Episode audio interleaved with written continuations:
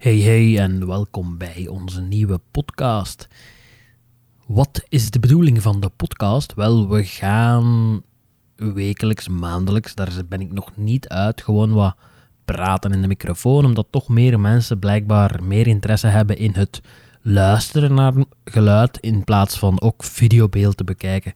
Nu, ik blijf het combineren met de YouTube-filmpjes, maar dit is gewoon ik die in de microfoon praat over fotografie, bewerken van foto's, filmpjes, al die dingen, al die toestanden die met fotografie te maken hebben.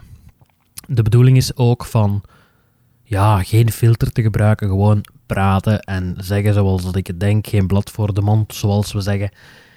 En ja, we kijken weer waar we uitkomen.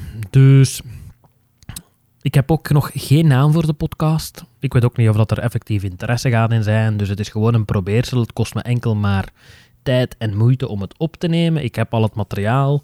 Voor de mensen die het technische aspect willen weten, ik neem de podcast op met een Rode Procaster, gelinkt met een windfilter.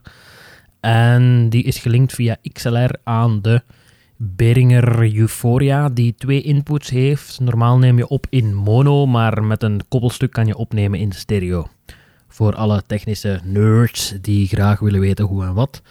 Um, het wordt opgenomen in Audacity, freeware-programma waarbij je gewoon kan praten en waarbij het systeem alles opneemt. Nu, waarom beginnen met de podcast? Waarom niet, denk ik dan? Je kan niet meer als gewoon proberen en zien wat er uitkomt. En in deze tijden van ja, wereldgezondheidsissues met de COVID en de coronatoestanden. Iedereen heeft tijd te veel, tenzij dat je nog aan het werken bent, maar als fotograaf in hoofdberoep ben je inderdaad verplicht van te sluiten. Het goede nieuws is vandaag binnengekomen. Ik ontvang de, het overbruggingskrediet gecombineerd met de hinderpremie, wat het toch iets of wat aanvaardbaarder maakt om met de vingers te zitten draaien maar wat doen jullie tijdens deze periode? Zitten jullie met de vingers te draaien? Zijn jullie nog aan het werk als fotograaf? Doen jullie dit in bijberoep? Momenteel voor mezelf, zoals ik al vermeldde, ik doe modelfotografie. Dat houdt in dat ik constant met mensen in contact kom, ook visagistes. En zowel het sociale als het ja, contact in real life, laat ons zeggen, um, is weggevallen sinds 12 maart. En sindsdien, ja, niks shoots meer gedaan. Ben ik begonnen op Instagram met het bewerken van foto's, selfies en dat opnemen in filmpjes en delen met de wereld. Om zo toch maar iets van kennis over te brengen. En verder zijn we hier thuis. Mensen die de studio kennen, die weten dat de studio 75 vierkante meter is. En dat er hier een heel grote tuin bij ligt. Dus we zijn bezig geweest met het gras verticuteren, de tuin heraanleggen en herinrichten, een nieuw stuk bijgemaakt. Daar kruipt ook massas veel tijd in en veel energie, maar eenmaal dat die tuin dan in bloei staat, kan je daar optimaal van profiteren. Momenteel is de bloesem volop in bloei hier. Er staan fruitbomen in, wat dat dus serieus vervelend is, aangezien dat ik al in de bloesem wou shooten. De pruimenbomen zijn al lang uit de bloesem, die waren te vroeg door het klimaat. En de, twee andere, de drie andere fruitbomen die hier staan, die ja, staan volop in bloei, witte bloei, dus heel mooi. Maar helaas kunnen we er niet veel mee doen. Eventueel macro-shots maken. Dat is een van de dingen die ik gedaan heb. Is zo een extender set gekocht van Karuba voor Nikon. En daar wat mee spelen. Het enige nadeel is manueel scherp stellen. En ik weet, er zijn extenderingen die het automatisch doen, maar ik zoek me niet specifiek te focussen op macrofotografie, dus voor mezelf is dat die investering niet waard. En ik heb geen macrolens, dus die kan ik ook niet gebruiken. Um, dus om terug te komen, hoe doen we het hier ja, financieel? Met wat hou ik mij bezig? Momenteel is het het ideale moment om toekomstgericht, wanneer het ook mogen zijn, te kijken wat de eventuele opties zijn en hoe de zaak verder te ontwikkelen. Heel veel bijleren, online filmpjes kijken, bewerken, al die dingen. We hebben ook een nieuwe set gebouwd voor YouTube, die momenteel toch wel even een opbouw vroeg, drie dagen mee bezig geweest. ehm, uitlichten, al die dingen. Dus je bent wel vrij snel wat tijd bezig. Eenmaal dat die set dan uitgelicht is, neem je wat filmpjes op, maar je moet ook creatief genoeg blijven om genoeg content te blijven maken. En een van de twijfels die er momenteel nog is, is ga ik voor Nederlands of ga ik voor Engels? Ik merk dat in het Nederlands er toch meer animo is dan in het Engels. Maar ja, laat maar weten wat dat jullie denken. Uh, want Nederlands is allemaal heel goed, maar ik praat niet perfect algemeen Nederlands. Dus voor de mensen of onze Noorderburen die mijn dialect niet zo goed begrijpen, want nu probeer ik nog vrij goed te articuleren, kan dit wel eens een probleem zijn. En ja, momenteel voor, iets voordat de coronatoestanden begonnen zijn, is mijn camera tegen de grond gegaan, de Nikon D850, gecombineerd met de Nikon 70-200 VR2-versie. Zowel de behuizing van het toestel als de lens waren geraakt. De behuizing van de camera was gewoon helemaal door, bijna in twee. En de lens, de bayonetsluiting, was gedeukt. Ik heb daarna nog wel kunnen ermee shooten op de D800 backup toestel.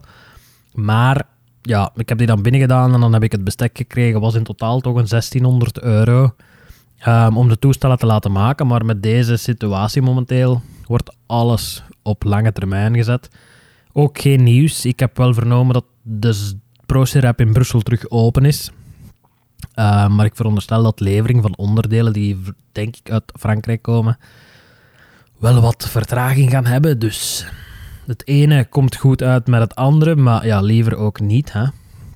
Uh, dus momenteel heb ik de Nikon D800 en nog de Fujifilm de X-T3 met alle mogelijke lenzencombinaties. Die ik niet ga opsommen, want dat is way too boring. En ja, ik ben aan het denken om eventueel Patreon op te starten. Mits het educatieve stuk terug iets meer aandacht te geven. Uh, toekomstgewijs is dat ook de bedoeling. Echt richten op e-, educatie. Um, hoe, wat, waarom, die dingen. Beelden deconstrueren. Dat je echt ziet van hoe is dit beeld of dat beeld gemaakt als inspiratie.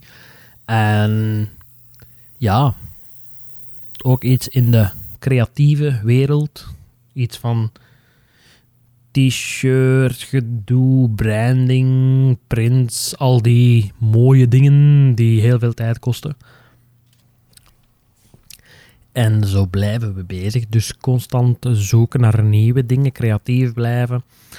De workshops komen zeker terug, maar afhankelijk van hoe het gaat gaan in de toekomst met de COVID en die toestanden, is de vraag of er nog zoveel mensen bij elkaar mogen komen voor dergelijke toestanden.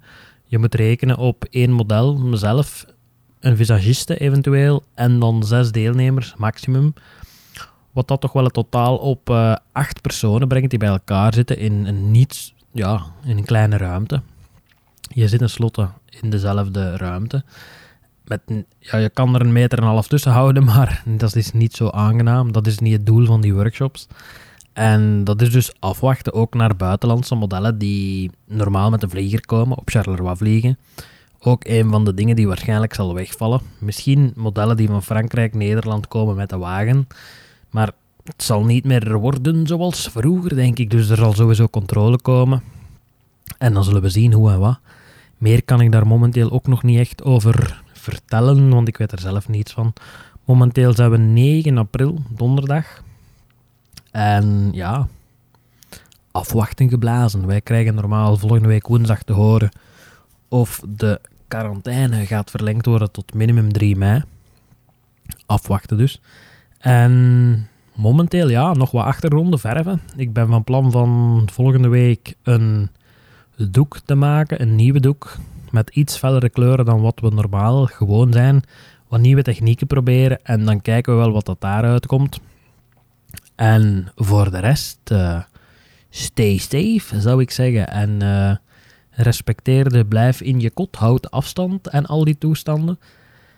En ja, dan zien we elkaar wel weer aan de andere kant of een volgende keer. Alvast bedankt om naar de eerste ruimte te luisteren en tot een volgende keer. Ciao, ciao.